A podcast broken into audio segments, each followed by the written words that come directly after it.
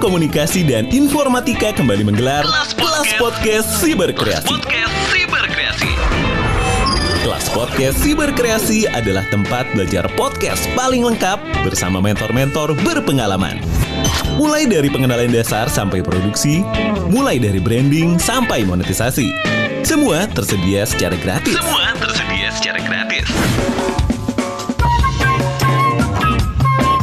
Podcast Siberkreasi dipersembahkan oleh Kementerian Komunikasi dan Informatika, Siberkreasi dan Pabrik Suara Rakyat, serta didukung oleh Google Podcast dan Kreator Nongkrong.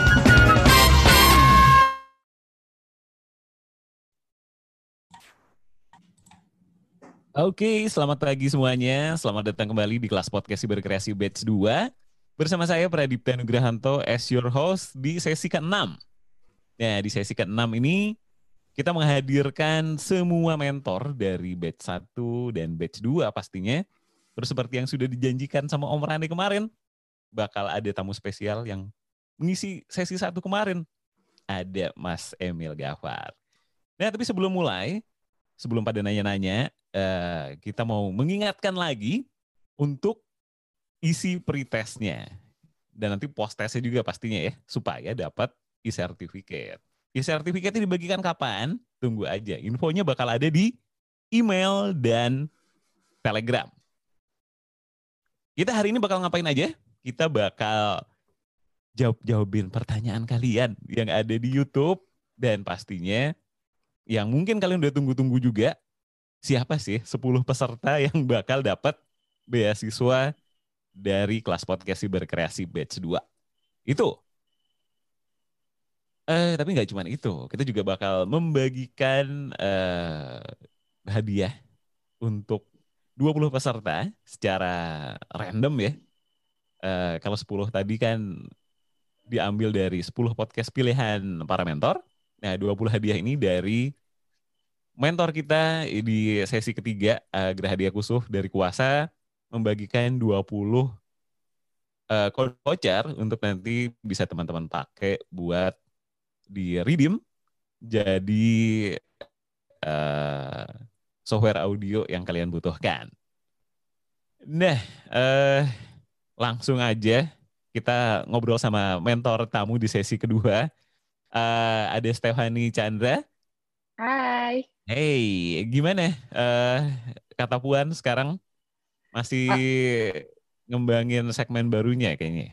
Benar, masih menulis. Udah pasti kalau di kata Puan, kalau di suara Puan kebetulan ada segmen baru. Uh, okay. Kemarin di sesiku aku juga udah sempat bilang, hmm. sempat cerita-cerita sedikit tentang segmen baru suara mereka ini. Uh, okay. Aku mengundang teman-teman, cewek-cewek sih, so far masih cewek-cewek karena namanya juga suara Puan, yang eh. menceritakan kisah-kisah personal mereka lah gitu. So far sih antusiasmenya baik sekali dan siapa tahu teman-teman di sini ada yang mau juga coba dengerin, bisa aja cari langsung di podcast Suara Puan. Iya. Nah gitu. ini ngomong ngomong-ngomong suara. Paling. Mas Dita yang masih aku kerjakan. Eh, eh. Uh, kita jadi pada rerun gue dan Om Rani nih rerun dari episode pertamanya Suara Puan nih.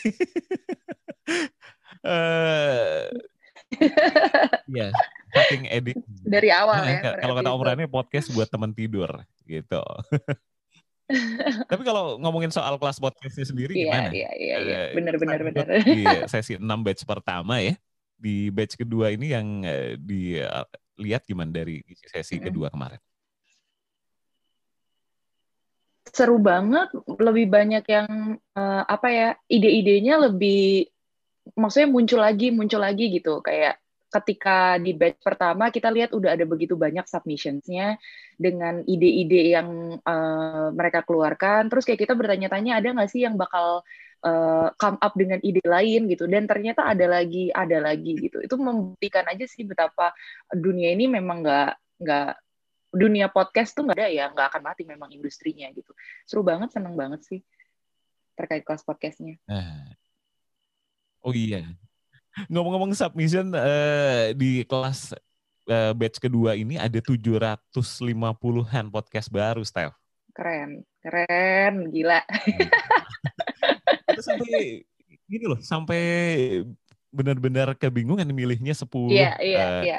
Sebelum ke 10 kan kita pilih 25 nih. Di hari uh, ini kita bakal bahas 25 uh, honorable ma- honorable, honorable mention Honorable mention, ya. honorable mention buat eh, 25 podcast yang menurut kita layak untuk dapat spotlight gitu.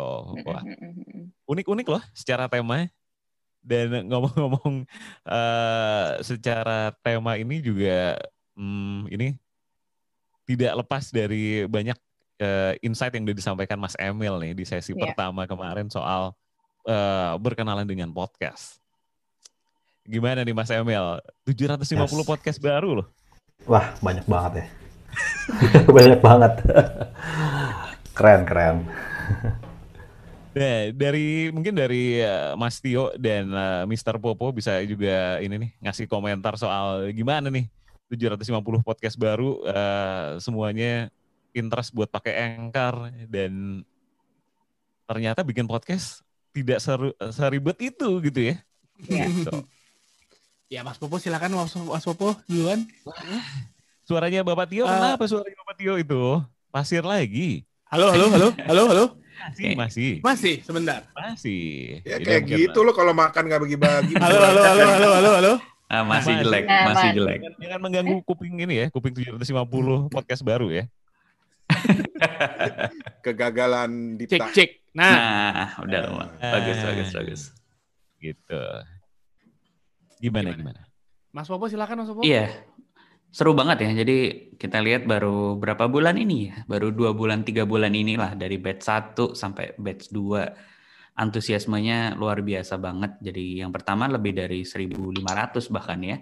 Yang sekarang ada 700, berarti kan udah lebih dari 2.000 podcaster. Nah, dan ide-idenya tuh ajaib-ajaib sih kalau kita dengar. Dan bahkan dari episode satu perkenalan aja, karena mungkin teman-teman juga eh, sangat menyimak apa yang eh, mentor-mentor sampaikan dan sudah banyak contoh dari eh, podcaster-podcaster yang sudah ada. Jadi ketika bikin perkenalan aja udah keren banget sih.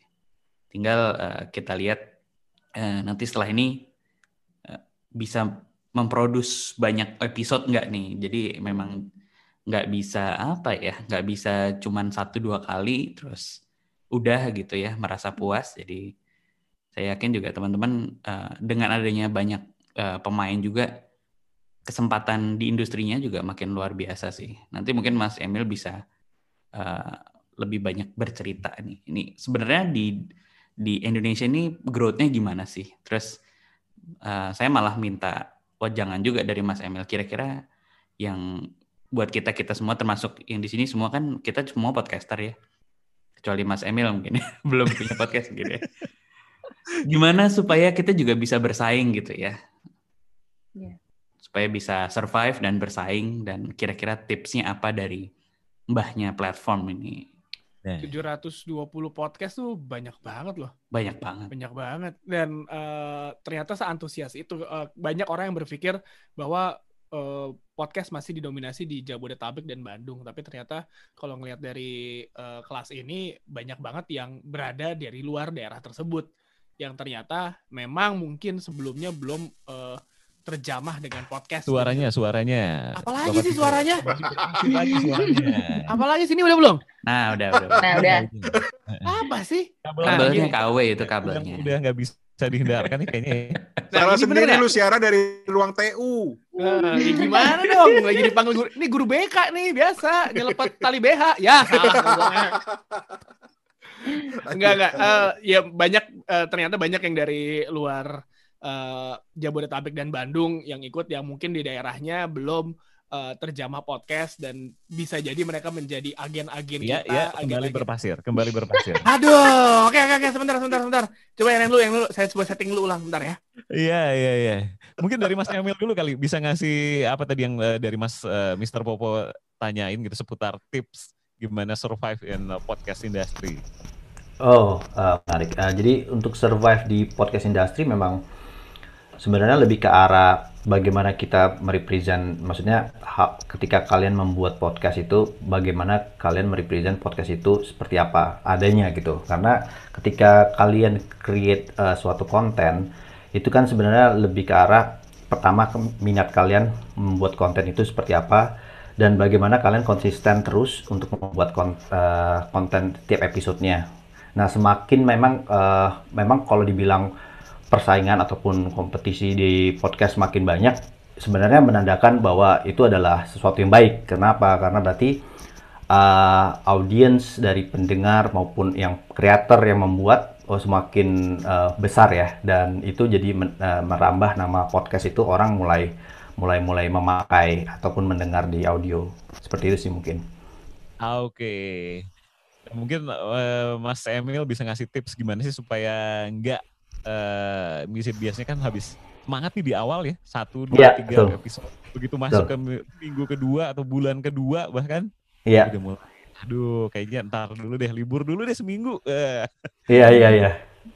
Nah, mungkin sih eh, itu kembali ke masing-masing para eh, podcaster atau content creator. Mungkin saya balik ke sebagai content creator. Kita sebut di sini sebenarnya content creator juga ya, walaupun ini medium yang digunakan adalah audio platform.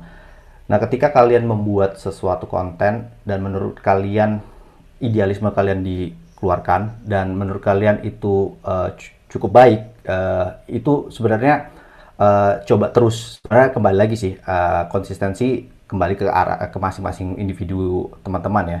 Tetapi memang kalau mendapatkan challenge, aduh, ini nggak ada. Jangan terlalu terlihat dari segi kayak statistik kayak charts ataupun apa karena itu kayak kadang-kadang itu menjadi saya bisa bilang apa ya bukan dilema ya tapi kayak ah saya nggak masuk ranking nih istilah gitu kasarnya gitu. Tapi sebenarnya nggak juga. Sebenarnya kalian kalau berusaha terus kemungkinan besar kan sekarang udah ada uh, top podcast dan trending podcast. Nah itu yang coba terus digali dan semua knows kadang-kadang kita bisa winning di satu episode yang ternyata itu clickbaitnya lebih bagus gitu. Bisa jadi gitu. Jadi gali terus potensi-potensi konten yang ada di masing-masing individu ah, oke jadi jangan cepat bosan ya Mas Emil ya iya betul betul jangan keburu bosan dulu gitu Iya. Makanya Iqbal bahkan perlu dua tahun untuk mengeksplor eh, konten podcast gitu kan Nah. oke Boleh Belum saya suara gua. bertanya?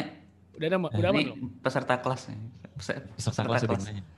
Boleh nanya saya? Saya mau tanya nih ke Mas Emil mengenai ini Mas Emil. Eh, jadi kan kebetulan kayak kayak saya, Steph sama Tio ini kan juga eh, udah lama ya maksudnya di di podcast dan eh, stay stay eh, membuat konten yang mungkin sedikit apa eh, konsepnya tidak banyak berubah ya. Ini mungkin teman-teman juga banyak yang mungkin eh, bisa jadi bisa jadi pembelajaran juga ketika dijawab oleh platform gitu ya.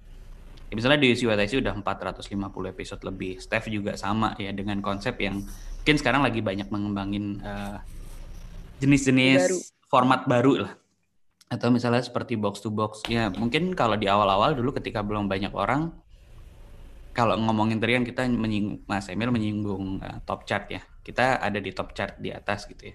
Tapi kan sejalan dengan sekarang eh, kita lihat eh, podcaster juga banyak. Artinya dalam waktu 2-3 bulan ini aja dari si berkreasi aja alone ya, itu udah hampir berapa? Hampir 2.500 sampai 3.000 lah. Dan kita lihat dari teman-teman yang ada submission di sini kan juga punya banyak konsep yang serupa gitu ya. Artinya ada yang bola, ada yang puisi, yang kali ini banyak yang eh, persenjaan duniawi gitu ya, yang eh, puisi-puisi, eh, prosa, dan konsep-konsepnya kan karena ya namanya juga Indonesia kita kalau di, kita lihat dari YouTube lah katakanlah. Konten kreator itu kan rata- rata-rata cuman oh ini rame kita bikin. Terus kita samain. Sama seperti Dwi Siwataisi juga eh, saya lihat di podcast sendiri itu banyak banget yang akhirnya sama persis gitu ya. Persis dan eh, mengcopy eh, formatnya mentah-mentah. Dan kalau di YouTube itu lebih parah lagi. Bahkan mereka pakai teks yang saya pakai semuanya dipakai lah. Dan eh, kita lihat dari dari numbers gitu ya dari pendengar. Kita lihat mungkin kalau saya sering ngobrol sama teman-teman kreator lain eh, itu rata-rata memang in the end adalah kita tersplit ya. Pendengar pendengar eh, growth pendengar itu sekian ya ada growthnya. Tapi konten kreator kan juga growth jadi kupingnya terbagi gitu kan. Mungkin yang tadinya dengerin Dwi Siwataisi jadi ada malam kliwon ada bagi horor ada ludo pocong dan sebagainya misalnya. Begitu juga dengan Steph kan. Steph ada eh, yang lain-lain juga. Bola juga ada beberapa dan semakin banyak juga. Nah itu pertanyaannya adalah sebagai kreator kita enaknya eh, eh, kreatif membuat format atau stay dengan format yang sama eh, dengan sukses eh, story yang sudah ada gitu ya. Maksudnya udah jalan kemarin baik nih segini. Enaknya kita bikin apa lagi ya? Apalagi tuh dituangkan dalam bentuk format baru coba-coba terus atau kita bikin podcast lain. Maksudnya kalau kita mau explore gitu ya. Hmm. Nah, gimana untuk survive dari situ ya? Kan saya yakin juga semakin banyak eh, podcaster dan pendengar, in the end kan mereka dengan ya happy ya. Eh, pendengar akan happy karena mereka akan punya banyak opsi. Ya. Dan how to survive eh, menjadi kreatornya itu gimana? Ketika ya mungkin dulu waktu awal-awal ya dengerin nggak, eh, yang dengerin banyak tapi kreator sedikit. Nah, gimana menghadapi persaingan ketika kreator sudah banyak? Nah, kita sebagai kreator tuh harus apa? Dari sisi platform dan juga saya minta insight dari negara negara-negara yang sudah lebih maju kayak di US mungkin atau di negara-negara kayak China atau Jepang. Gitu. Makasih Mas Emin. Oke. Eh, mungkin ngomongin soal eh, bagaimana kalian bisa berkembang sebagai kreator di podcast. Sebenarnya gini, eh, mungkin pertanyaan kembali, eh, tetap lakukan apa yang menurut kalian terbaik dari segi konten podcast yang kalian akan sajikan. Kedua, eh, sebagai content creator, ini kembali lagi saya dari sebagai ranah content creator, kalian selayaknya seperti kayak you create your own media. Kalian adalah media sendiri. Nah, sebagai seorang medium atau pembawa media berita dan sebagainya, eh, pastinya suatu eh, along the way kalian harus terus berkembang, ber, eh, berevolve. Evolve dalam arti gini, bukan berarti kalian membuat ah ini nggak berhasil, saya langsung ganti. Tidak, karena itu akan kurang baik. Kalian tuh seperti apa maunya gitu. Stick dengan apa yang kalian lakukan, tapi dari segi kontennya kalian berkembang dalam arti menemukan hal-hal baru. Contoh nih, saya ambil ini ya. Di Indonesia sebenarnya banyak tema yang bisa kalian kembangkan. Pertama, 17 Agustus. Sebenarnya konten-konten apa yang bisa kalian lakukan untuk celebrate that kind of moment. Momentum itu sebenarnya sangat bagus. Ramadan sangat bagus. Tahun baru sangat bagus. Saya mungkin saya kembali lagi sebagai media, media pun juga media online mana pun pasti akan menulis tentang sesuatu yang sifatnya momentum. Nah, hal-hal kayak gitu yang kalian gali, apa yang ada surrounding di Indonesia, itu kalian lakukan. Mungkin ada hari-hari anak, hari-hari kalau konten kalian mung- mungkin parenting, hari-hari eh, ibu, mama Mother's Day, Father's Day atau apa pun. Ya, kembali lagi, saya nggak bisa bilang akan berhasil tidak, tapi itu kan ada suatu pengembangan konten yang menurut kalian ada celebration tertentu. Jadi tidak serta-merta kalian membuat konten eh, eh, durasi sama, eh, kontennya sama-sama terus, dan tapi ada pengembangan dari segi tematik yang bisa kalian kembangkan. Mungkin itu sih lebih ke arah ininya. Oke, wah, Terima thank kasih, you Mas. Insight-nya menarik banget dari. Mas Emil ya. Semoga membantu. Ini eh, kayaknya pertanyaan-pertanyaan dari teman-teman juga udah mulai berdatangan. Tapi sebelum kita jawab-jawabin pertanyaan, kita mau masuk ke sesi yang mungkin teman-teman semua udah tunggu. Di mana kita akan eh, mengomentari 25 podcast yang eh, sudah dipilih sama semua mentor di batch 2 ini. Tapi sebelumnya nih, eh, dari Bapak Kepala Sekolah eh, kelas podcast berkreasi, eh, Om Rane Hafid, mau ada sesuatu yang disampaikan ini. Ini jadi gimana Om? Kalau ngomong-ngomong soal gambaran umum podcast-podcast yang masuk ini dari ini kan peserta tiga ribuan ya. Dan podcast baru yang masuk ada 750. Hmm, hmm. Banyak loh. Banyak coy. Gitu. Gimana Om? Yo, Ah, ngasih gambaran umum aja ya, karena semua rata-rata mintanya nanti gimana bisa dikomentarin satu-satu. 700 podcast dikomentarin satu-satu, ya kira-kira akhir 2012 lah. Eh 2002 lah, apa 2021 baru kelar. Anyway, jadi jadi kecenderungannya begini yang yang terjadi. Eh, rata-rata itu pasti banyak podcast-podcast yang monolog. Ya, Hmm. itu wajar lah ya karena memang eh, kita baru mau memulai. Walaupun udah banyak yang kemudian sesama peserta gabung bikin podcast bareng-bareng itu udah ada. Eh, satu lagi kecenderungan yang banyak terjadi, jadi ada tiga lah ya yang paling menonjol. Yang satu tuh gaya monolog, fine, nggak ada masalah. Yang kedua itu banyak yang belum mencoba untuk uh, fokus ke topik yang niche. Hmm. Jadi banyak yang bahkan di deskripsinya aja bilang ngobrol tentang berbagai macam hal hmm. di seputar keseharian gue.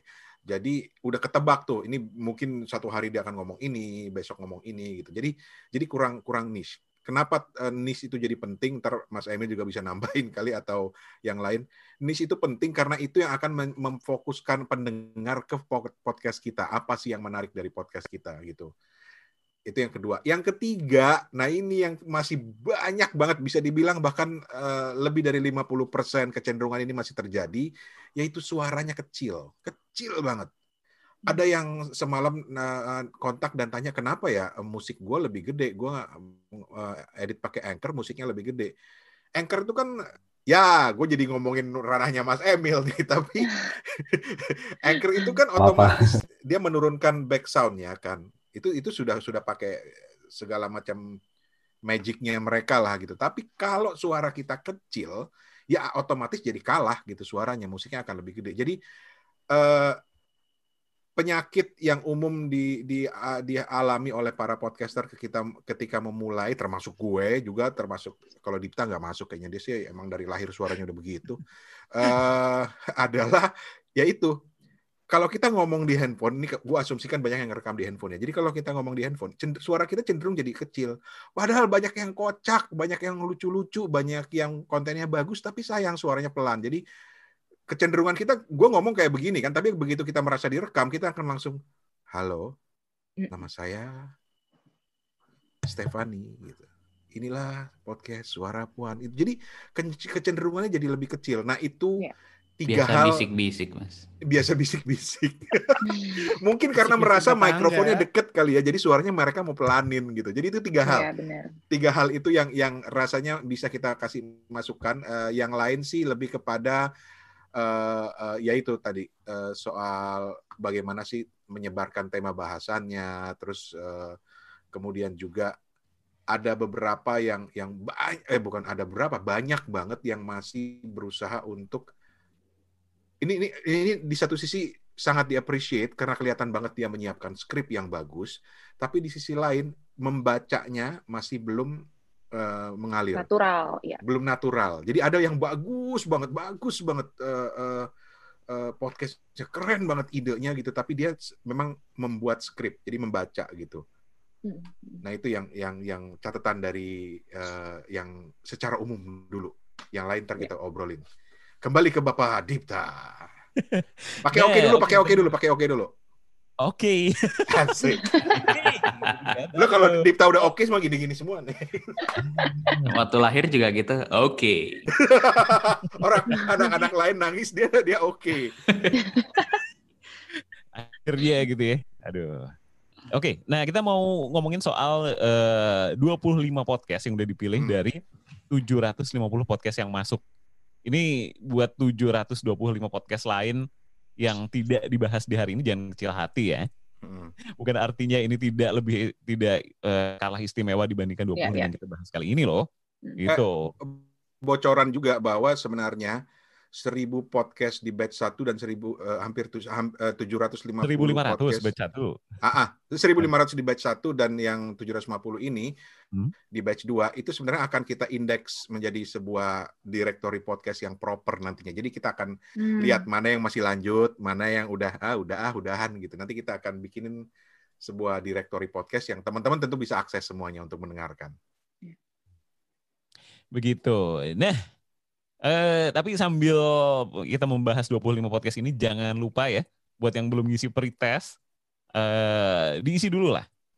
Karena sayang, nanti kalian tidak bisa mendapatkan sertifikat kelulusan karena tidak mengisi pretest eh, sesi ke-6. Mm-hmm. Gitu, sayang banget, gitu kan. Oke, karena bakal lama nih, eh, kita ada 25, di batch satu kita 10 nih, dan 25 dengan uh, topik yang berbeda-beda, uh, format juga macam-macam banget. Langsung aja kita mulai. Yang pertama, ini ada ngobrol santai dari Filza Karunia Putri. Nama podcastnya konsul, uh, ngobrol santai konsultan gizi Indonesia. Waduh, keren. Keren. Ini description-nya ya. sekarang kalian sedang mendengarkan Ngobrol Santai bareng Konsultan Gizi Indonesia Sebuah podcast yang dipandu oleh ahli gizi dan akan membahas mengenai mitos dan fakta seputar gizi dan kesehatan. Stay tune.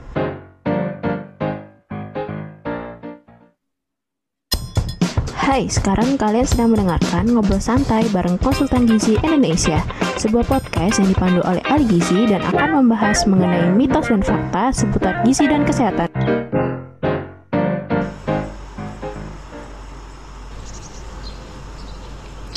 Sahabat Kozi, perkenalkan saya Filza, salah satu tim expert dari konsultan gizi.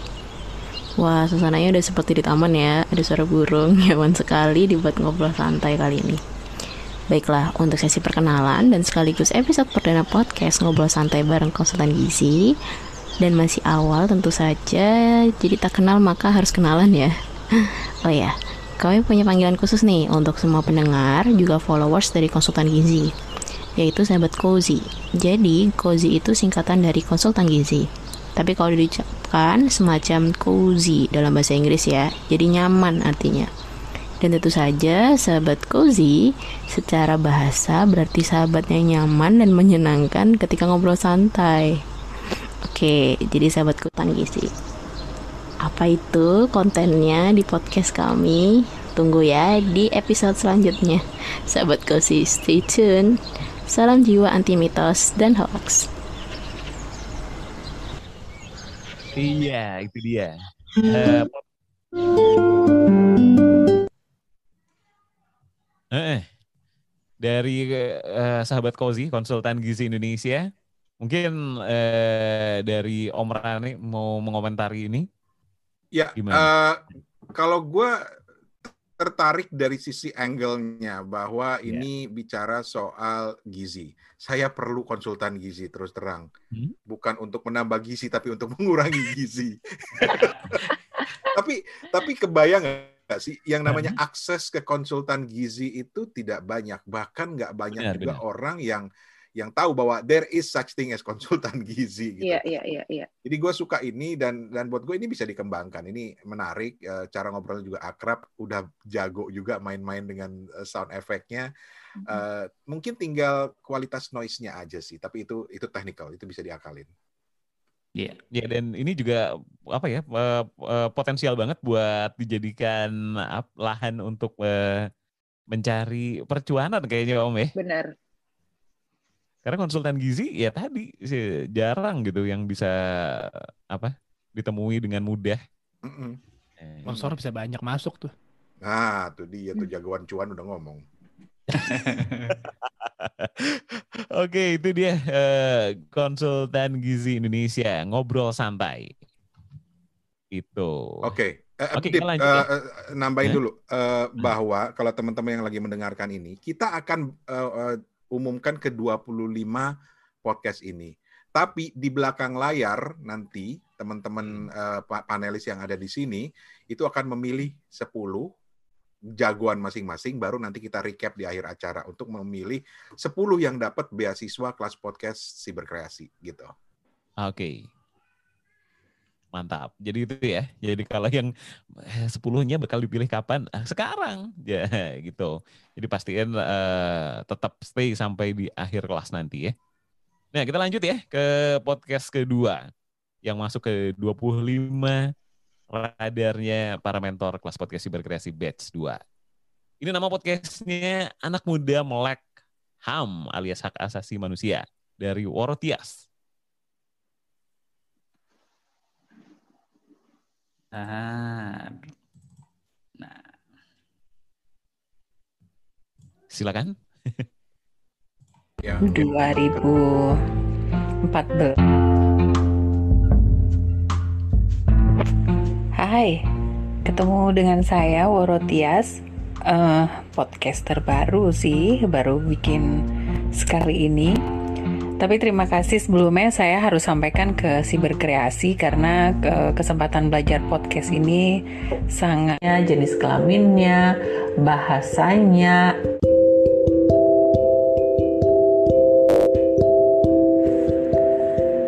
Hai, selamat malam. Ketemu lagi dengan saya Worotias. Udah lama ya sejak kenalan, saya belum cerita-cerita, belum ngobrol-ngobrol soal hak asasi manusia. Uh, kenapa anak muda harus tahu hak asasi manusia ya? Saya pikir karena ini dasar sekali agar kita bisa sadar gitu bahwa kita punya hak, bahwa kita setara dengan yang lain. Jadi makanya anak muda melek HAM itu menurut saya akan sangat keren. Uh, hari ini saya mau cerita soal prinsip-prinsip hak asasi manusia. Bagian hak kita, tapi dia nggak bisa dikatakan dia yang harus memenuhi hak kita. Hak hak asasi manusia itu ada banyak sih. Minggu depan kita cerita lagi ya, kita cerita prinsip-prinsipnya dulu. Biar kemudian kita tahu kepada siapa kalau kita akan menuntut hak kita yang sesuai dengan hak asasi manusia itu. Oke, selamat mendengarkan dan selamat malam.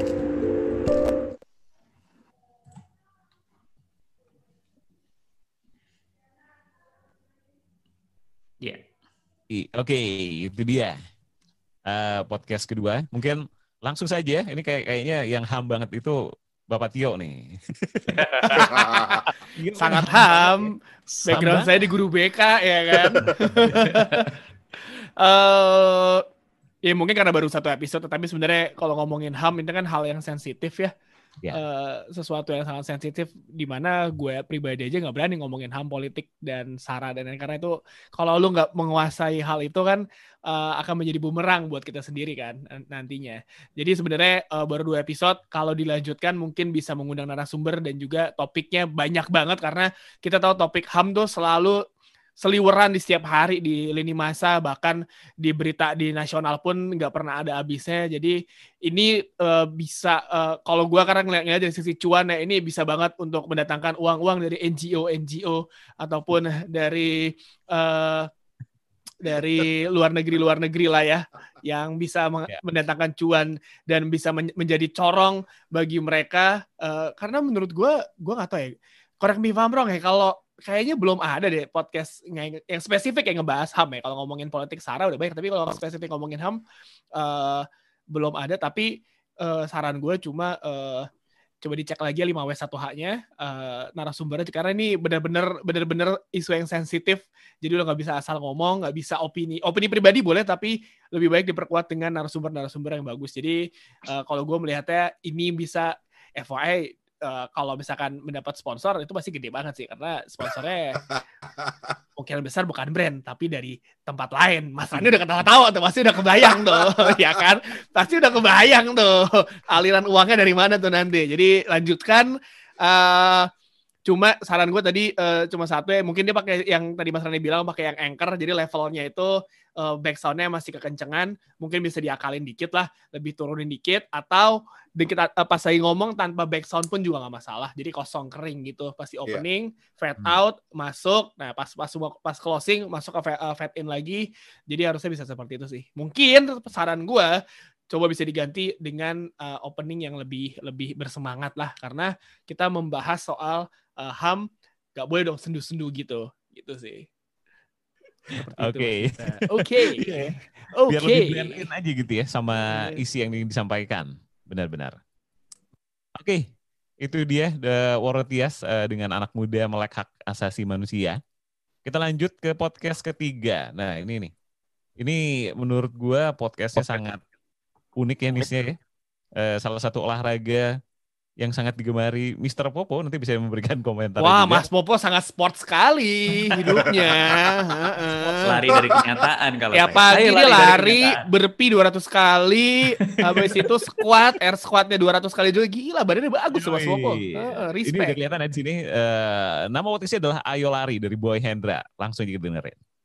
Ikut dalam mengikuti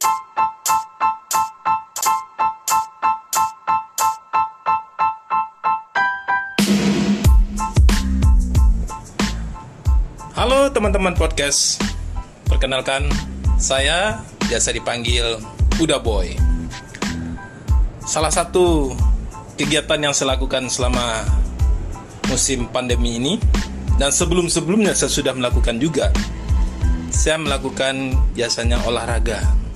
Dan olahraga yang saya pilih adalah lari.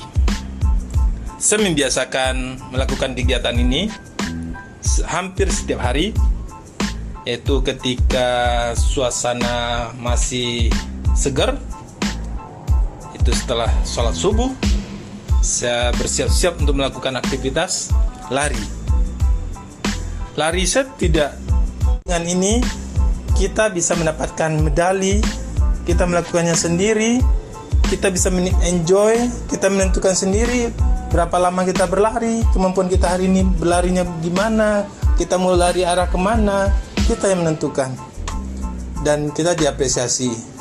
Dan di aplikasi ini kita di, diberikan juga uh, kalau kita berlari kan ada nomor dada diberikan dalam bentuk e-bib namanya. Kemudian kita di untuk kesehatan kita. Dan kita juga bisa menikmati alam dan kita bisa mendapatkan apresiasi dari lari. Jadi tetaplah berlari. Semoga kita tetap sehat selalu. Salam sehat dari saya Udah Boy. Oke, salam sehat dari Udah Boy. Silakan gimana sobat sehat kita, Mr. Popo? Ayo lari dari kenyataan.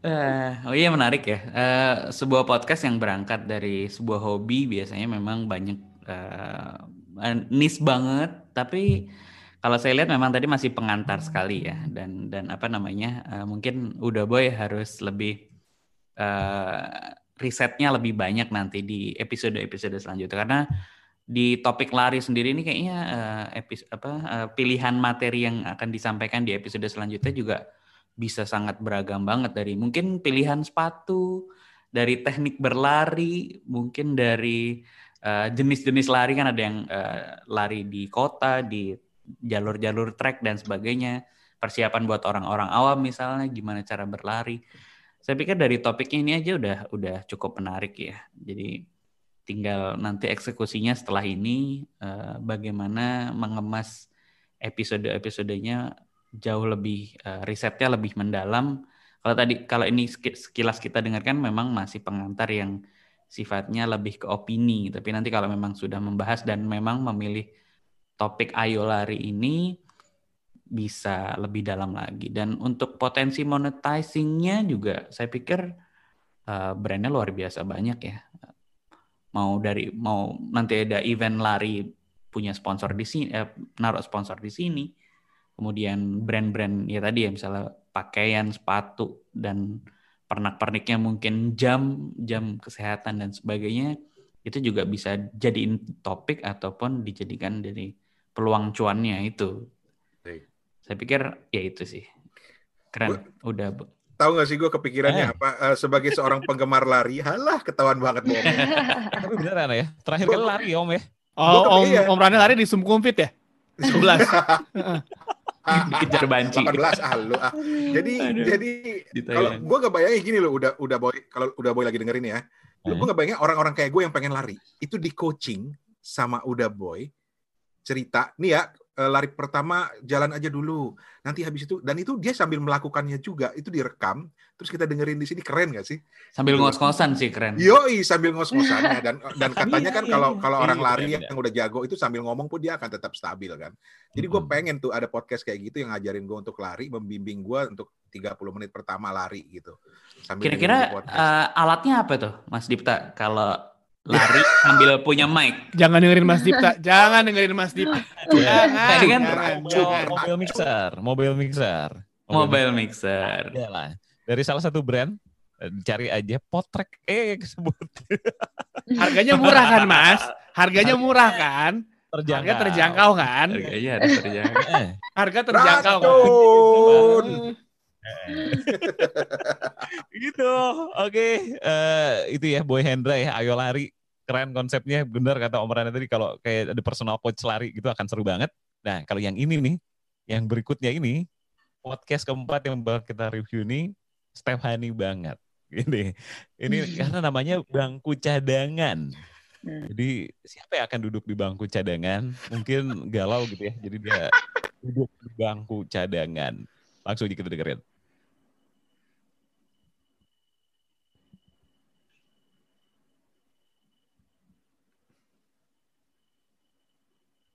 Halo, Assalamualaikum warahmatullahi wabarakatuh. Ketemu lagi dengan saya Ahas di podcast Bangku Cadangan, podcast yang ngomongin serba-serbi fantasi Premier League.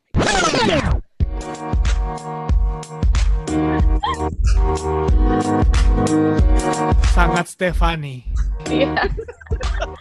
Sangat ngerti. Si paham. Si paham. Oke, pada episode kali ini gue akan ngomongin tentang hasil game week 5 di Premier League kemarin dan takeaway-nya buat FPL. Kita mulai di match pertama, game pembuka Everton versus Liverpool. Skornya time banyak peluang. Nah, kalau untuk aset dari Chelsea, sekarang gue mulai lirik lagi Werner, Havertz, sama Chilwell. Itu tiga pemain itu mainnya kemarin malam cukup bagus, walaupun juga Pulisic sih ternyata tumpul. Jadi masih belum ngelirik pemain lead kalau gue pribadi. Nah kalau Wolves masih Jimenez dan Romain Saiz. Jimenez walaupun jarang ngasih poin yang gede, tapi konsisten. Rata-rata dari lima pertandingan bisa ngasih terus dan ngasih poin bagus buat tim FPL bisa jadi pengganti back yang lain yang harganya kurang lebih sama mungkin kisaran 4 pak tetap bahagia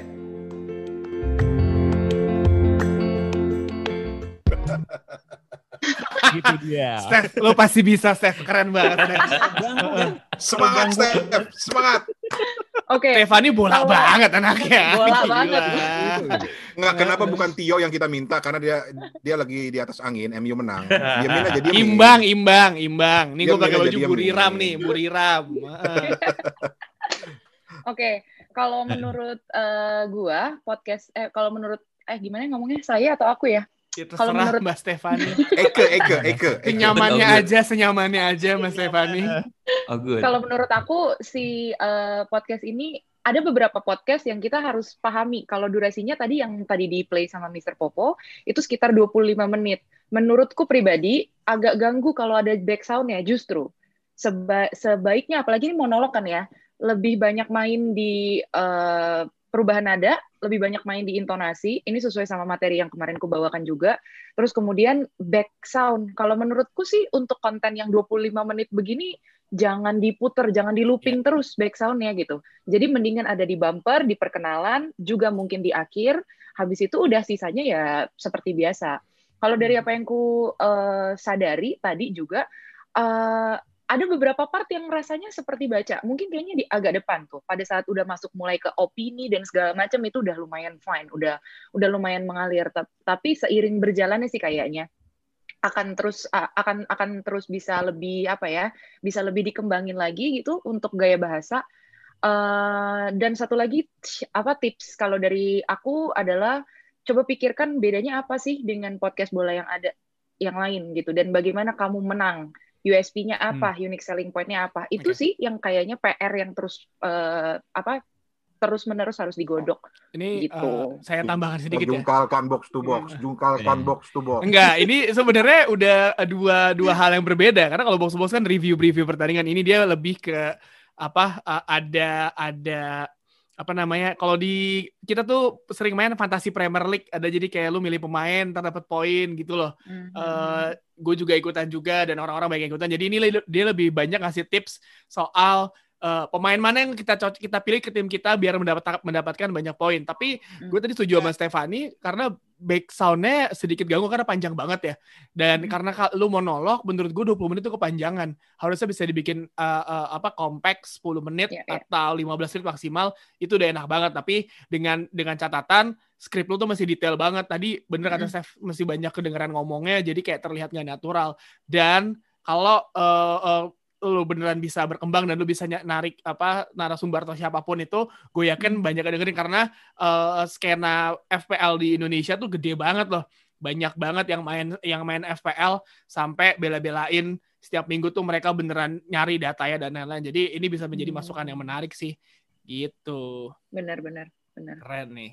Mas thank you ya udah kan dibantu anak sama anak bola banget. Anak bola banget.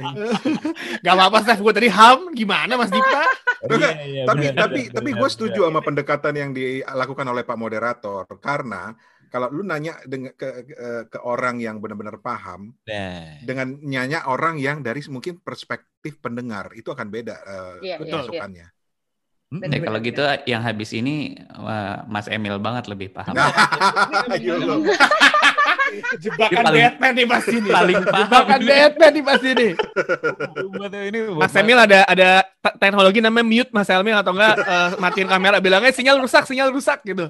Tapi kita kasih tepuk tangan dulu. Yoi, yoi. Sama podcast yang udah kita bahas di pagi ini. Kita masuk ke podcast kelima yang akan kita bahas ini seperti kata Mas Popo tadi, ini sangat Mas Emil banget gitu ya. Eh, langsung aja kita play. Dari Fadilatul Karimah. Assalamualaikum warahmatullahi wabarakatuh. Bidan Hai sejawat, perkenalkan aku admin Bidan Virtual atau yang akrab disapa Minda. Nama Bidan Virtual pertama lahir di Instagram untuk memberikan layanan konsultasi gratis seputar kebidanan. Kali ini Bidan Virtual melahirkan podcast. Bukan untuk memberikan edukasi, tetapi untuk menceritakan kisah hidup para bidan dan mahasiswa kebidanan terkait pengalamannya berkontribusi sebagai pelaksana, pengelola, pendidik, dan peneliti, agar nanti lulusan bidan mendapatkan gambaran bagaimana luasnya lapangan pekerjaan yang disediakan untuk profesi bidan yang mungkin saja tidak diberikan secara detail oleh tenaga pendidik di institusi kebidanan. Tidak ketinggalan juga, podcast ini akan bercerita tentang pengalaman seorang bidan menjadi pasien. Jadi, kirimkan cerita menarikmu melalui email bidanvirtual@gmail.com. Suarakan ceritamu agar kebahagiaanmu menular, sedihmu buyar, harummu menyebar, semangatmu membakar, romantismu berdebar, dan horormu menampar. Wassalamualaikum warahmatullahi wabarakatuh. Oke, Ya, menampar nih. Mas Emil banget kan? Bidan virtual. Gimana Mas Emil? Mungkin bisa lang memberikan komentarnya terkait eh, temanya mungkin atau secara teknis gitu. Gimana? Mhm. Temanya menarik ya kan kayak maksudnya eh, inspiring orang-orang menjadi bidan dan cerita-cerita di balik layarnya bidan itu kan sometimes kita juga nggak tahu. Sebenarnya kalau dia bilang bukan berbagi pengetahuan tapi sebenarnya juga berbagi pengetahuan juga in a way sebenarnya. Karena kita mungkin orang-orang yang ya bisa dibilang kayak uh, orang yang tinggal di daerah kota mungkin udah jarang uh, siapa bidan dan sebagainya. Tapi lebih ke arah yang orang-orang di daerah dekat-dekat di luar dari perkotaan dan sebagainya mungkin ya nah dari segi konten sebenarnya sebenarnya uh, akan lebih baik uh, mungkin ada unsur-unsur uh, ya tadi kayak dia dia agak-agak sedikit-sedikit lebih ke agak ada ada komedi-komedinya dikit ya which is itu akan menarik karena tidak terlalu serius-serius banget tapi ada memang benar- benar-benar ada unsur edukasi juga di situ. Nah so far sih menurut saya sih oke cuman memang benar dari segi uh, apa istilahnya uh, sou- sound dan audionya mungkin bisa lebih diinikan lagi ya. Tapi itu itu is a minor lah cuman uh, karena kan baru starting seharusnya bisa berkembang dengan berjalannya waktu. Gitu sih. Oke, wah ya ya benar benar benar. Eh tapi ini banyak yang berkomentar nih, wah tidak menyangka ya gitu bisa sampai kepikiran eh mengambil topik ini gitu kan, karena kepikiran aja gitu ya. makanya ya Ya, betul ini, ini bagus banget kalau kita lihat Instagramnya juga di bidan virtual ada membahas menstrual cup, usia kehamilan, Ya. kapan aku melahirkan dan lain-lain ini jadi eh, wah lengkap banget ya Eh, antara Instagramnya dengan podcastnya yang lebih ke naratif itu bisa klik banget sih. Iya. Sama mungkin eh, aku juga mau menambahkan untuk tadi kan sempat di bagian closing yang juga merupakan descriptions-nya adalah kayak bagikan suaramu atau bagikan ceritamu itu kan. Nggak tahu sih mungkin untuk Berbagi episode cerita. selanjutnya mm, berbagi cerita itu eh, nggak tahu apakah akan mengundang narasumber ataukah eh, konsepnya seperti kayak Do You See What I See, jadi menerima Iya, rekaman iya. audio yang kemudian diedit atau membacakan cerita. Nah, tiga-tiganya itu kan beda. Jadi mungkin perlu dipikirkan aja gimana enaknya, eh, gimana flow-nya yang uh, ya lagi-lagi ya kayak tadi kita membahas tentang uh, natural atau enggak sih ini gitu. Enak didengar enggak sih ini gitu. Jangan sampai kalau yang diterima merupakan skrip terus jadinya terkesan seperti membaca gitu. Kayak gitu paling, sih paling paling. cocok sih emang sebenarnya misalnya kayak Stefani punya suara puan itu kan ada cerita dari orang ya Iya betul. Kalau ini kan ada suara kaitan orang, ya. uh, suara mereka, mereka bercerita, terus mungkin dari uh, nanti hostnya uh, bisa menanggapi dari sisi uh, keilmuannya lah, artinya hmm. keilmuan bidan itu seperti apa, pengalamannya Benar. seperti apa. Jadi ada pengalaman dari pendengar, oh dulu mungkin lahirannya begini, ada masalah begini, begini, begini, dan itu ditambahi dengan saran-saran uh, secara keilmuan gitu, itu menarik banget sih. Yeah. Jadi tidak dilepas kayak udah cerita terus sepanjang satu episode itu isinya cuma hmm, cerita hmm, hmm, pengalaman uh, seputar kelahiran dan kehamilan dan melahirkan gitu ya. Tapi ditambahi dengan bumbu-bumbu yang dari sisi kebidanan. Mungkin bukan hanya bukan dokter ya. Kalau dokter kan mungkin uh, beda lagi gitu kan. Hmm. Kalau ini kan mungkin dari sisi bidan itu apa yang bisa dikulik gitu dan itu menarik banget sih menurut saya. Ya satu lagi mungkin ya namanya uh, clickbait bidan virtual tuh kesannya kayak uh, mempertanyakan kayak mohon maaf kayak halodoc dan lain sebagainya. Jadi kalau bisa uh, title-nya mungkin agak di karena itu bukan ternyata bukan mem, mem, mem, apa kayak lebih memberitahukan tentang bagaimana menjadi bidan atau apa pun gitu. Itu kayak jadi jadi misinformation sih. Ah, okay. Naming naming title ini jangan bidan virtual karena virtual tuh kayak uh, kita bertanya, eh, kita mempertanyakan sesuatu yang sifatnya uh, apa yang terjadi dengan bidan dan sebagainya dan bla bla bla lah gitu. Mungkin itu sih.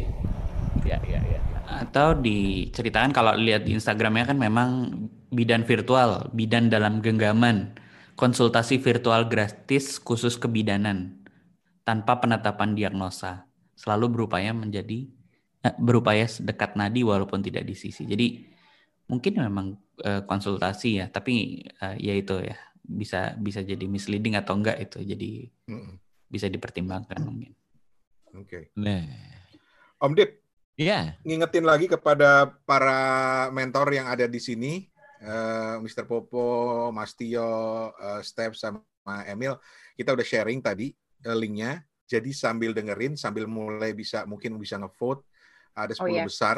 Dan uh, teman-teman ini ini proses voting kita ini berlangsung live loh. Jadi, Jadi kita nggak tahu iya, nih pada ada. akhirnya nanti dari 25 itu yang dipilih 10 tuh siapa kita nggak tahu karena masing-masing konspirasi ya tidak ada tidak ada konspirasi gitu. Oke. Okay. Ngomong-ngomong soal bidang virtual, gue udah uh, berapa tahun ini nggak nggak keluar keluar gimana? mungkin mungkin konsepnya bisa semacam itu gitu kali ya kayak konsultasi eh udah udah berapa ini udah bulan eh udah minggu ketiga ini apa sih gejala di minggu hmm. ketiga apa yang harus diperhatikan itu juga mungkin jadi jadi menarik ketika ngobrolin soal itu. Iya. Yeah. Oke. Okay.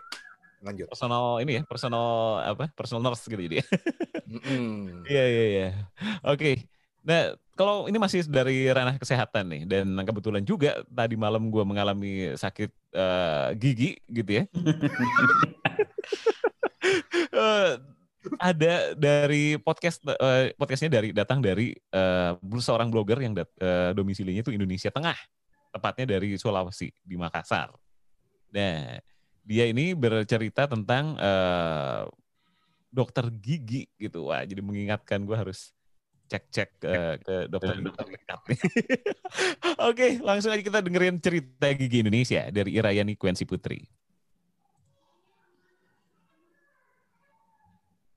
Selamat datang di CGI Podcast Cerita Gigi Indonesia Bersama saya Dr. Rara Dan saya Dr. Joce Yuk kita sama-sama dengerin tentang Kehidupan dokter gigi dan kesehatan gigi di Indonesia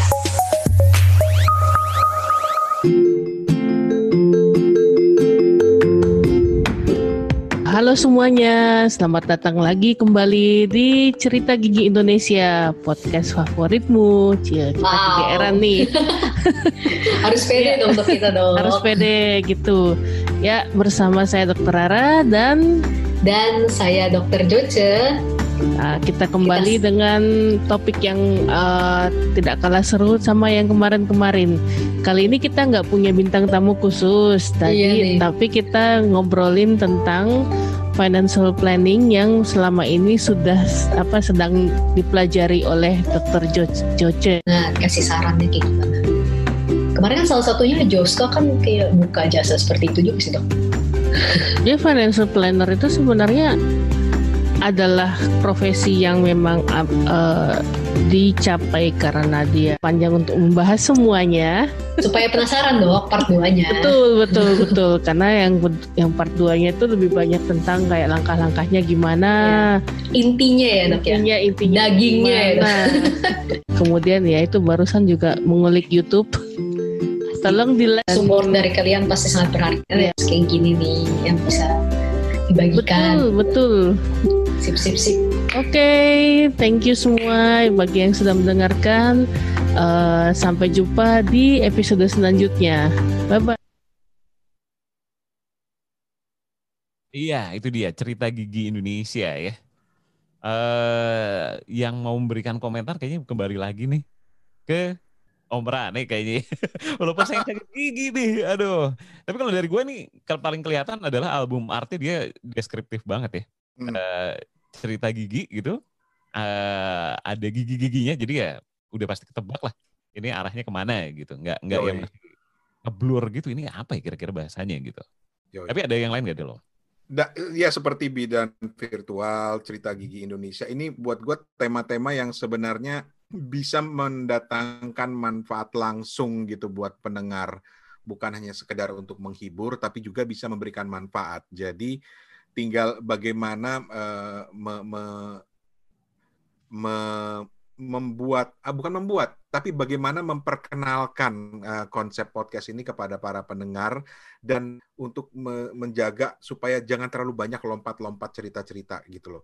Kalau gue, masukan dari gue yang utama adalah kenapa gue bilang tadi lompat-lompat, di satu sisi pengen cerita tentang profesi kedokteran eh, dokter gigi, tapi di satu sisi juga kadang-kadang bicara soal masalah yang berkaitan dengan pasien gitu. Nah ini harus diputuskan atau dibuat segmen-segmen supaya pendengar jadi lebih eh, tahu. Oh di edisi ini dia ngomongin soal profesi, di edisi ini dia ngomong soal eh, penyakit giginya gitu. Tapi yang jelas eh, cerita gigi Indonesia ini salah satu yang dipilih oleh para mentor karena memang eh, unik dan menarik. Walaupun buat gua ini adalah sosok profesi yang paling gue hindari. Sama mas betul. Betul. Takut, gue asli takut Asli bener. takut gue. Bener gue. Horor itu. Arah. Asli bener Nah, itu bener. bisa dibahas itu kenapa dokter gigi selalu horor. Exactly. Exactly. Iya, itu dia. Ya mungkin bisa jadi materi bahasan berikutnya ya. Kenapa orang-orang pada takut eh, dan sampai ada lagunya kan sakit hati gitu. sakit gigi. Mendingan mendingan gue Mendingan sakit hati. Mendingan sakit gigi sih sakitnya langsung selesai kalau sakit hati panjang. Ngomong-ngomong An- sakit hatinya Tio. Anda penyebabnya Bung Tio. sakit hatinya Tio tapi mungkin eh, berhubungan sama cerita dari yang disampaikan di podcast berikutnya. Halus Ini masuknya pengalaman emang. Tio banget nih sebenarnya. Biar ya. Halus emang nih. Eh, Mas oke. Tio Dari Josephine Pu- ya, ya Putri, nama podcastnya Cerpin. Nah, langsung kita Apa tuh dengerin. cerpin?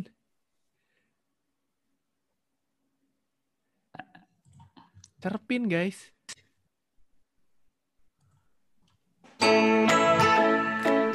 Wah, gue banget nih. Health and fitness. Selamat datang di episode perdana Cerpin, Cerita Sepin. Salam kenal, gue Josephina Putri, biasa dipanggil Sevin atau gampangnya Sepin aja. Makanya gue bikin nama podcast ini Cerpin Cerita Sepin, di mana gue bakalan cerita soal pengalaman pribadi gue, terutama seputaran topik diet dan olahraga. Apalagi belakangan memang gue lagi into health and fitness banget. Dan untuk episode perdana kali ini gue bakal cerita tentang gimana pertama kalinya gue diet ekstrim di kelas 6 SD di saat gue mulai pubertas itu gue pertama kalinya ngalamin diet atau ngejalanin diet. Awalnya itu karena gue sering banget dianggap gendut atau gemuk sama orang lain. Sebenarnya bukan dari teman-teman seumuran sih, tapi lebih dari orang-orang dewasa di sekitar gue, kayak om tante, terus juga teman-temannya bokap dan nyokap. Gue inget banget, misalnya ketemu gue, eh Sevin gendut pendek. Terus juga gue pernah detox minum jus wortel doang selama tiga hari, yang untungnya gue nggak pingsan. Terus gue juga pernah diet karbo, cuman makan telur dan sosis doang, dan itu nggak bagus banget. Apalagi kan itu proses food ya sosis, nggak bagus banget buat badan gue. Untung sekarang gue udah sadar dan ngerti, dan gue selalu percaya nggak ada kata terlambat untuk hidup lebih sehat. Dan di Wah. Nah, Ntar ya, gue, gue nyari makan dulu, lapar jadi. Iya. Mango sticky rice ada tuh mas di, di Ada, pengkolan ada, situ. ada. Ah, Tinggal- Mango tinggal gua- sticky rice. Tinggal buka jendela aja nih teriak dari sini. Eh, eh, tapi gue gua relate dengan si podcast ini ya, Eh, karena gue dulu eh, memiliki eh, cerita yang hampir sama dengan doi ya. Eh, pas gue balik dari Filipina berat gue tuh 89, naik 16 kilo, nggak bisa jongkok gue. Jadi emang ini sangat relate banget dengan kehidupan banyak orang. Dan kalau misalkan bisa diolah bagaimana lu cara menurunkan bukan menurunkan saya bagaimana cara lu hidup sehat. Karena nurunin berat badan itu banyak caranya eh, dan mungkin di podcast ini bisa dikasih tips and triknya dan juga ngundang narasumber, ngundang kesaksian orang-orang yang eh, gimana mau hidup sehat, terus juga bisa dari sisi ternyata eh, pembulian soal berat badan tuh di Indonesia masih datang dari orang Iya. terdekat kita sih. Eh, Benar. gua eh, sempet ya maksudnya nggak ya gue walaupun gue orangnya bodoh amat tapi kan terkadang ketika ada orang terdekat lo bilang eh gendut mana lo gitu kan lo kayak kesel ya sih sekarang aja nih sekarang gue udah turunin 18 kilo aja masih bilang eh gendut gendut ya ya nggak apa-apa rezeki Dompet juga gendut, gendut, Eh, gitu eh, dah. rezekinya gendut amin gitu aja tapi maksud gue ini podcast ini menarik sih bisa diolah banyak dan uh, uh, gue salah satu yang uh, menjadi pendengarnya karena ya salah ya sekarang tuh banyak banget orang Banyak sih. banyak orang uh, uh, ter apa ya terdoktrin dengan lu tuh mesti kurus, lu mesti putih. Iya. Bener nggak kayak gitu? Lu hidup sehat, lu nggak mesti kurus, jaga pola makan itu kan bisa diatur. Jadi banyak uh, banget topik yang bisa diolah di uh, podcast ini dan gue yakin sih bakal uh, panjang sih uh, apa namanya si podcast ini kalau benar-benar dimaksimalkan ya. Baru satu episode eh, nggak usah panjang-panjang 15 menit 10 menit itu sudah menarik Yes. untuk Cukup. orang encourage orang kayak wah besok iya nih eh, macem-macem bisa besok misalkan oke kita bikin eh, 10 days challenge nah siapa tahu lu bikin episode hari hari ini lu kasih tahu lu mau ngapain makan apa makan ah, ngapain aja bisa banget kan gila ya Lu, lu kebayang nggak sih dari dari podcast 20 besar ini eh, dijamin kalau gue dengerin gue bakal kurus. Bisa, bisa. Gizi Ada podcast soal gizi, ada podcast ngomongin Iya. soal Lari. lari, soal gigi gitu. Tapi bentar Tapi harus dulu. ada podcast soal makanan, Dip. Harus Bentar dikeluarin dulu, Mas. Makanya ada bidan Heeh. virtual kan. Dong. Karena dikeluarin dulu ya kan. Baru mau kurus udah langsung ada podcast ekspedisi kuliner dari Lisa Firanda sendiri. Langsung gitu dengerin. Ini unik banget sih. Gue udah ngintip dan ini unik banget ternyata. Langsung kita play.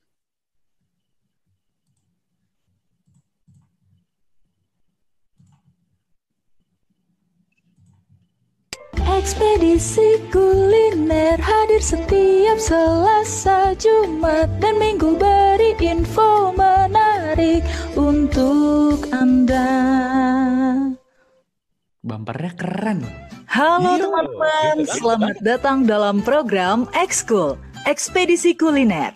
Bersama gue Lisa Firanda yang akan menemani teman-teman semua setiap hari Selasa, Jumat, dan Minggu di seluruh platform podcast kesayangan kalian.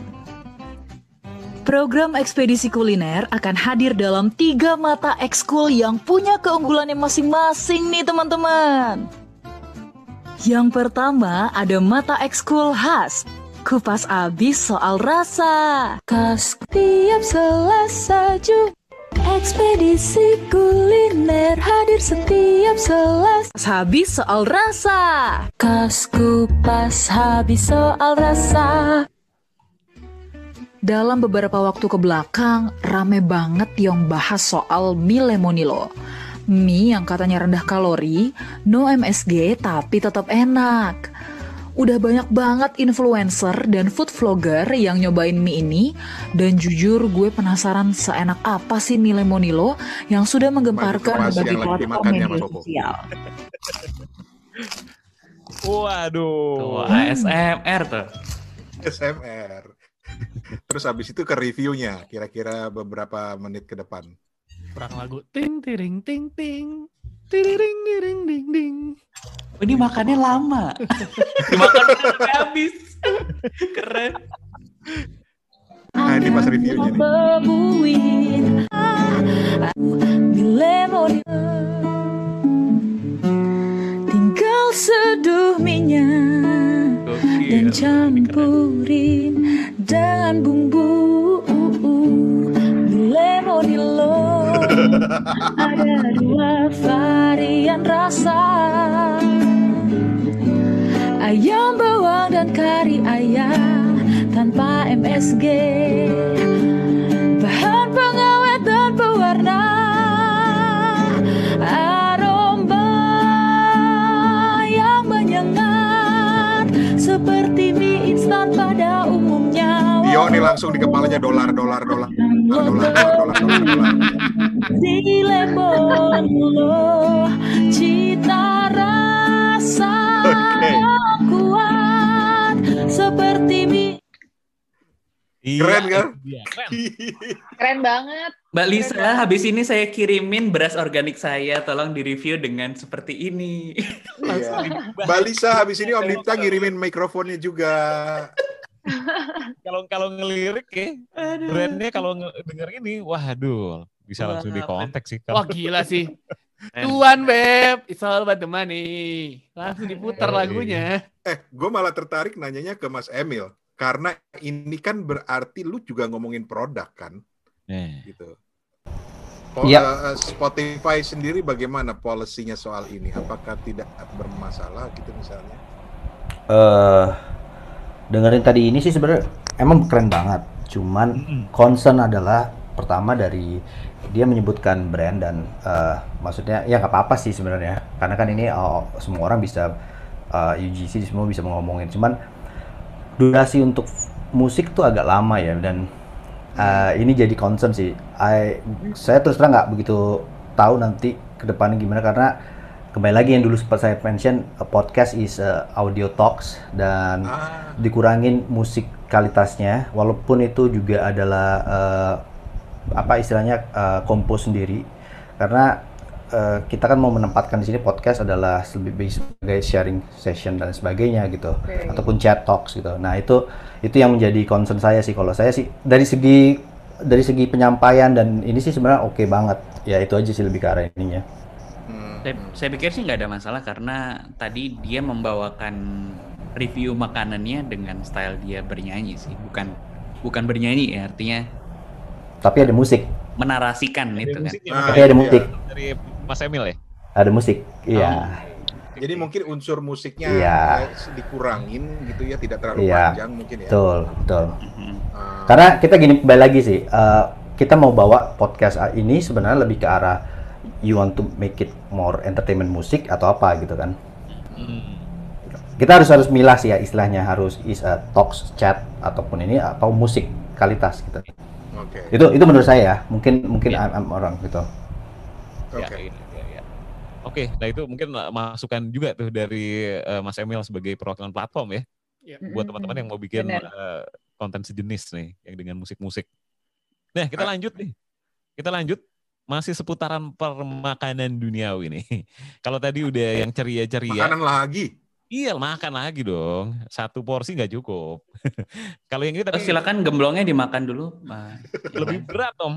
Kalau tadi kan eh, ringan ya, Ah. makan mie instan. Kalau yang ini lebih berat nih, karena dari sisi akademis kayaknya membahasnya. Kalau dari namanya ya, namanya adalah Gastro Tourism Academy dari Repa Kustipia. Langsung kita dengerin. Oh, salah. Salah nih.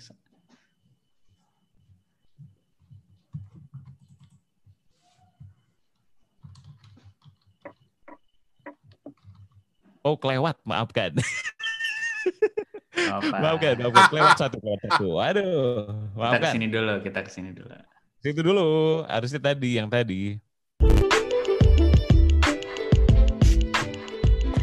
Halo sedulur gastronomi, selamat datang di podcast Gastronomi. Cerita makanan dan budaya akan tersimpan di podcast ini. Stay tune. Kebudayaan dan budaya. Pertama tentang kebudayaan. Sebelum membahas gastronomi lebih lanjut, setidaknya pengertian sederhana yang berkaitan dengan gastronomi yaitu kebudayaan dan budaya.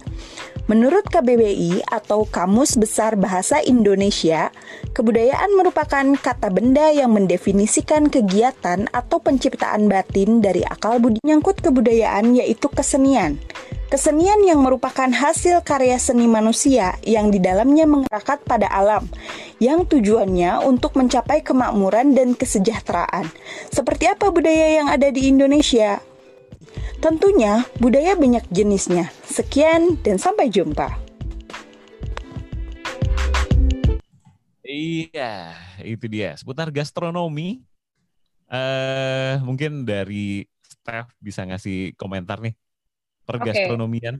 Mhm. Kalau menurutku eh, udah pasti topiknya menarik karena juga sangat fokus. Sebenarnya kan kuliner, tapi gastronomi adalah another ibaratnya kayak science. Ada dia dia punya dia punya jalurnya sendiri. Tapi menurutku kalau dari apa yang kulihat ya, eh, episodenya kan nggak cuma dua tuh dan nggak cuma satu, tapi rata-rata cuma di satu menit, tiga menit. Yang terakhir tadi ada di enam menit. Menurutku untuk ukuran podcast yang bisa menjelaskan lebih banyak itu kayaknya terlalu singkat deh. Beda sama kayak podcast perpuisian itu satu. Terus yang kedua, hmm, menurutku baca banget. Feelingnya ya, yang ku dapat lebih kayak denger on the spot, kira-kira rasanya.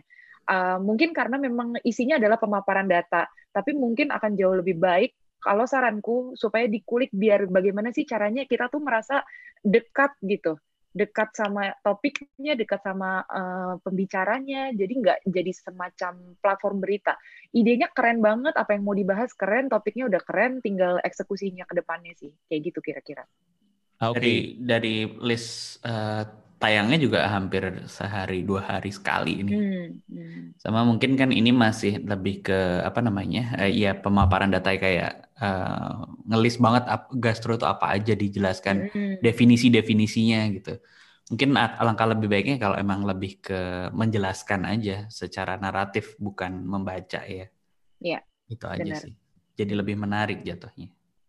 Iya, bi- bisa dikasih ilustrasi-ilustrasi juga secara audio ya. Itu juga bisa sih. Mm-mm. Eh, menarik lah kalau bisa men- menceritakan data secara audio dan orang bisa tidak mengerjitkan dahi ya pas mendengarkannya dalam durasi pendek gini juga lebih asik sih. Mm. Itu. Oke, kita lanjut ya. Ini masih seputar makanan. Kalau yang tadi makan Bener udah makan lah. Heeh. Udah makan siang nih. Iya, Jam jam, makan jam siang. menjelang jam makan siang dikasih eh, makan terus. Nama podcastnya Foodcast dari tiga orang nih, Farisa, Irena, dan Stella. Langsung aja kita simak.